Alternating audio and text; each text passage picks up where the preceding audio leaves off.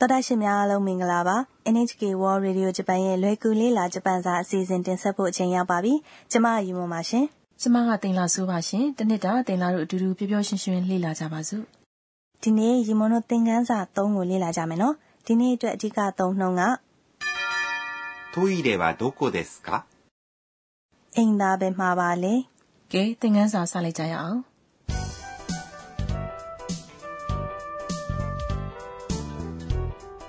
တရရှင်တို့လွယ်ကူလေးလာဂျပန်စာသင်ခန်းစာရဲ့အဓိကဇာတ်ကောင်ကအန်နာပါသူဟာဂျပန်မန်ဂါကာတွန်းတွေကိုသိတဲ့ဘောကြတယ်ထိုင်းနိုင်ငံလာတဲ့ကျောင်းသူလေးတယောက်လေပြီးခဲ့တဲ့သင်ခန်းစာတော့ကအန်နာကဆာကူရာကိုထိုင်းနိုင်ငံကအမှတ်တရလက်ဆောင်ပစ္စည်းလေးပေးခဲ့ပါတယ်ဒီနေ့မှာတော့ဆာကူရာကအန်နာကိုတက္ကသိုလ်ဝင်းကျင်အနှံ့လိုက်ပြပါမယ်ကဲခုသင်ခန်းစာ၃ကိုစပြီးတော့နားထောင်လိုက်ကြရအောင်အဓိကအသုံးနှုန်းက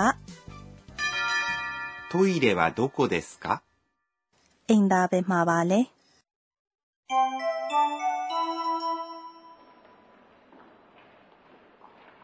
ここは教室です。わあ、広い。あそこは図書館。トイレはどこですかすぐそこです。စကားပြောတွေကိုရှင်းပြမယ်နော်။さくらပြောတာကဒီလိုပါここは教室です。ဒီနေရာဟာစာသင်ခန်းပါ။ここဆိုတာအခုစကားပြောနေတဲ့သူရှိတဲ့နေရာကိုညွှန်ပြတဲ့စကားလုံးပါ။ဝ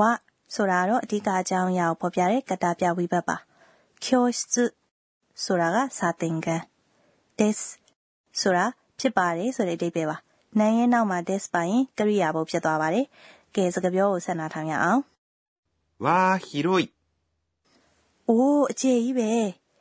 ရုတ်တရက်အံ့အားသင့်သွားတဲ့အခါမှာဝါလို့ပြောကြတယ်ဟီရိုဆိုတာကတော့နာမဝိသေသနာပါအဓိပ္ပာယ်ကကျေသောကျင်းသောဆိုရင်တော့ဆယ်မိုင် လို့ပြောပါတယ်။ကဲလေ့ကျင့်ပြီးပြောကြည့်ပါဦး။広い狭いနောက်ပြီးတော့အဆောက်အုံအကြီးတစ်ခုကိုညွှန်ပြရင်းနဲ့ပြောလိုက်တဲ့စကားကတော့あそこは図書館ဟိုကနေရာဟာစာကြည့်လိုက်ပေါ့あそこဆိုတာစကားပြောနေတဲ့သူနှစ်ယောက်နဲ့အဝေးမှာရှိတဲ့နေရာတနေရာကိုညွှန်ပြပြောဆိုတဲ့အခါမှာသုံးတဲ့စကားလုံးပါဝါကတော့ကတာပြဝိဘက်ထိုရှော့ကန်ဆိုတာစာကြည့်လိုက် ဒီဝါကျမှာအပြည့်အစုံပြောမယ်ဆိုရင်အာဆိုကိုဝါထိုရှောကန်ဒက်စ်လို့ပြောရမှာပါဒါပေမဲ့ des ဆိုတဲ့စကားလုံးကိုမြှုပ်ထားတယ်နော်ဒါဆိုမရီလည်း des ဆိုတာကိုမြှုပ်ပြီးတော့သုံးနိုင်တာပေါ့နော်ဟုတ်မှ this ဆိုတာကိုထည့်ပြောမယ်ဆိုရင်တော့ပို့ပြီးတော့ယဉ်ကျေးတဲ့ပုံပေါက်တာပေါ့နော်ထည့်မပြောဘူးဆိုရင်တော့ပို့ပပပုံစံမျိုးဖြစ်တာပေါ့အခြေခံအဖြစ်ကတော့ကျောင်းနေစီးပွားရေးလုပ်ငန်းတွေမှာဆိုရင် this ကိုထည့်ပြောလေးရှိကြတယ်အော်ဒါဆိုရင် this ဆိုတာကဖြစ်ပါတယ်လို့အဓိပ္ပာယ်ရပြီးတော့ဝက်ကြရဲ့အဆုံးမှာထည့်ပြောရရင်ယဉ်ကျေးတဲ့သုံးလုံးတစ်ခုပေါ့ဟုတ်ပါတယ် အိမ်သားပဲမှာလဲဆိုရင်တော့ဒီလိုမေးပါတယ်トイレはどこですかအိမ်သားပဲမှာပါလေဒါကတော့ဒီနေ့သင်ခန်းစာရဲ့အဓိကအသုံးနှုန်းနော်ထိုးရတဲ့ဆိုတာအိမ်သားဒီစကားလုံးကအင်္ဂလိပ်စကားလုံး toilet ကနေလာတာပါတခြားဘာသာစကားတွေကစကားလုံးတွေကိုမွေးစားစကားလုံးဖြစ်သုံးတဲ့အခါမှာအတူကောက်သုံးတာနောက်ပြီးတော့ဂျပန်အတန်အတွက်နီးအတိုင်းသုံးလိုက်တာတွေရှိပါတယ်ဥပမာအင်္ဂလိပ်လို television ကိုဂျပန်လို ထဲ့တယ်ပြီးအင်္ဂလိပ်လို radio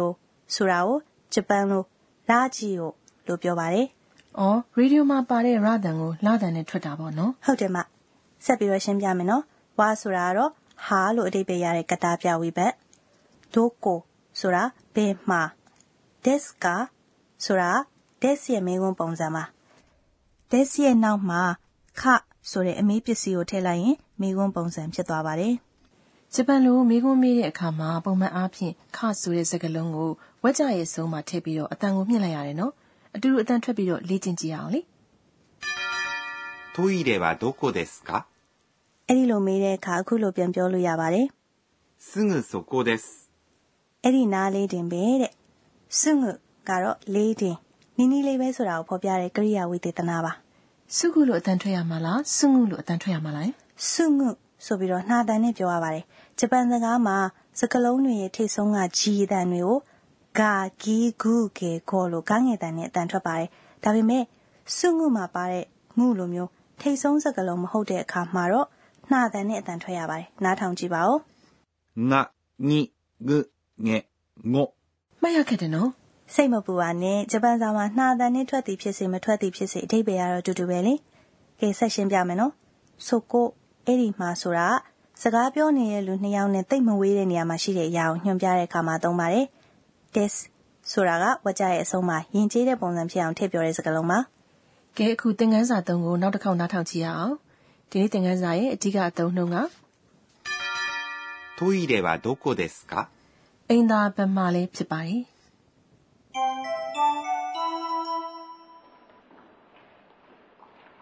ここは教室です。 わあ、広い。あそこは図書館。トイレはどこですかすぐそこです。 ကဲအခုသင်ပေးပါဆရာမကဏ္ဍစပါမယ်ဒီအစီအစဉ်ရဲ့ကြီးကြပ်သူပမောက္ခအခါနေထုခုနာကကဒီနေ့သင်ခန်းစာတွေရဲ့လေ့လာရမယ့်အဓိကချက်တွေကိုသင်ပြပေးမှာပါ ဒီနေ့သင်ခန်းစာမှာအညှိုးနံစာတော်တော်များများပါတယ်နော်ဒီထက်ပိုပြီးတော့အသေးစိတ်လေ့လာခြင်းသေးတယ် ဒါဆိုဆရာမအောင်မေးကြည့်ကြရအောင် 私が教えましょう。 ဆီယမပြောတာကတက်ရှိတက်မဲ့နေရာတွေကိုညွှန်ပြတဲ့အညွှန်းနံစားတွေအမေးနံစားတွေကိုခိုဆိုအာတိုလို့ခေါ်ပါတယ်တဲ့အညွှန်းနံစားတွေနဲ့အမေးနံစားတွေရဲ့ထိတ်ဆုံးစာလုံးတွေကိုယူပြီးတော့ခိုဆိုအာတိုစကလုံးလို့ခေါ်တာပါခိုတဲ့ဒါခိုကိုဒီမှာဒီနေရာနဲ့ခိုနိုဒီဆိုတာတွေဟာခိုအုပ်စုမှာပါပါတယ် ဒါတွေကတော့ပြောသူနဲ့နီးကပ်တဲ့နေရာမှာရှိတဲ့လူတွေနေရာတွေနဲ့အရာဝတ္ထုတွေကိုရည်ညွှန်းပြောဆိုတဲ့စကားလုံးတွေပါဆိုတော့အဲ့ဒါဆိုကိုအဲ့ဒီမှာအဲ့ဒီနေရာနဲ့ဆိုနိုအဲ့ဒီတို့ကတော့ဆိုအုပ်စုထဲမှာပါပါတယ်အဲ့ဒါတွေကတော့နားထောင်သူနဲ့ပြောတဲ့သူတနေရာထဲမှာရှိတယ်ဆိုရင်သူတို့နဲ့နည်းနည်းလှမ်းတဲ့နေရာမှာရှိတဲ့လူတွေနေရာတွေနဲ့အရာဝတ္ထုတွေကိုရည်ညွှန်းပြောဆိုတဲ့စကားလုံးတွေပါအားတဲ့ဟိုဟာအဆိုကိုဟိုမှာဟိုနေရာနဲ့ အာနိုဟိုတို့ကတော့အာအုပ်စုထဲမှာပါပါတယ်။ဒီစကားလုံးတွေကပြောသူနဲ့နားထောင်သူနှစ်ဖက်စလုံးနဲ့အတော်လေးဝေးတဲ့အကွာဝေးမှာရှိတဲ့သူတွေနေရာတွေနဲ့အရာဝတ္ထုတွေကိုရည်ညွှန်းပါတယ်။ဆက်ပြီးတော့ဒိုးတဲ့ဘယ်ဟာဒိုကိုဘယ်မှာဘယ်နေရာမှာ ਨੇ ဒိုနို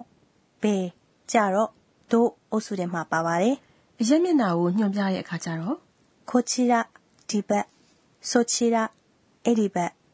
အာချီရဟိုဘက်နဲ့ဒိုချီရဘယ်ဘက်လဲဆိုတဲ့စကားလုံးတွေကိုသုံးပါတယ်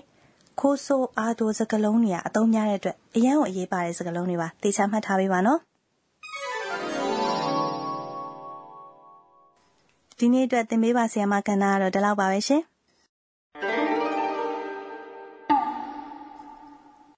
အခုဆက်ပြီးအွန်နိုမာတိုပဲကဏ္ဍအနာစင်မှာ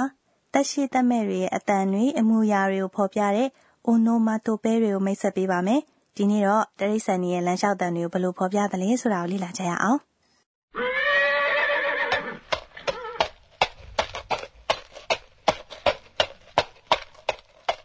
ဒါကမြင်းတကောင်လမ်းလျှောက်နေတဲ့အတန်နော်။ဒါကိုအိုနိုမာတိုပဲနဲ့ဘယ်လိုဖော်ပြမလဲ။ပကပကမြင်းလမ်းလျှောက်တဲ့အတန်ကိုဖကဖကလို့ပြောတယ်။စင်ကြီးလမ်းလျှောက်တဲ့အတန်ကိုတော့ဒီလိုပြောပါတယ်။နော့ရှိနော့ရှိ อืมယုံလေးခုန်နေတဲ့အတန်ဆိုရင်ရော ။နောက်ထောင်ကြည့်ရအောင် ぴょんぴょん。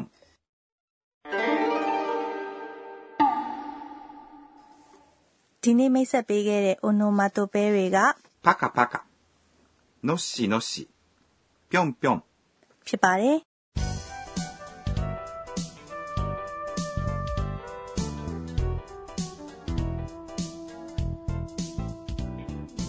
ခုနောက်ဆုံးတနေ့တာဖြစ်ဖြစ်ခဲ့တာတွေကိုပြန်စဉ်းစားသုံးသပ်တဲ့အာနာရဲ့တီတို့ရေရွတ်တန်ကဏ္ဍကိုနားဆင်ကြရအောင် えーっと、今日は、 อืมဒီနေ့တော့トイレはどこですかအိမ်သာဘယ်မှာလဲလို့တို့ကဂျပန်လိုမေးတာကိုသူတို့တွေနားလည်ကြတယ်။နောက်ဆိုရင်ဘယ်ရောက်ရောက်နေရမိတတ်သွားပြီ ကဲတော်တာရှင်တို့ရေသင်ခန်းစာ3ကိုနှစ်သက်ကြပါရဲ့လားဒီနေ့သင်ခန်းစာရဲ့အဓိကအသုံးနှုန်းက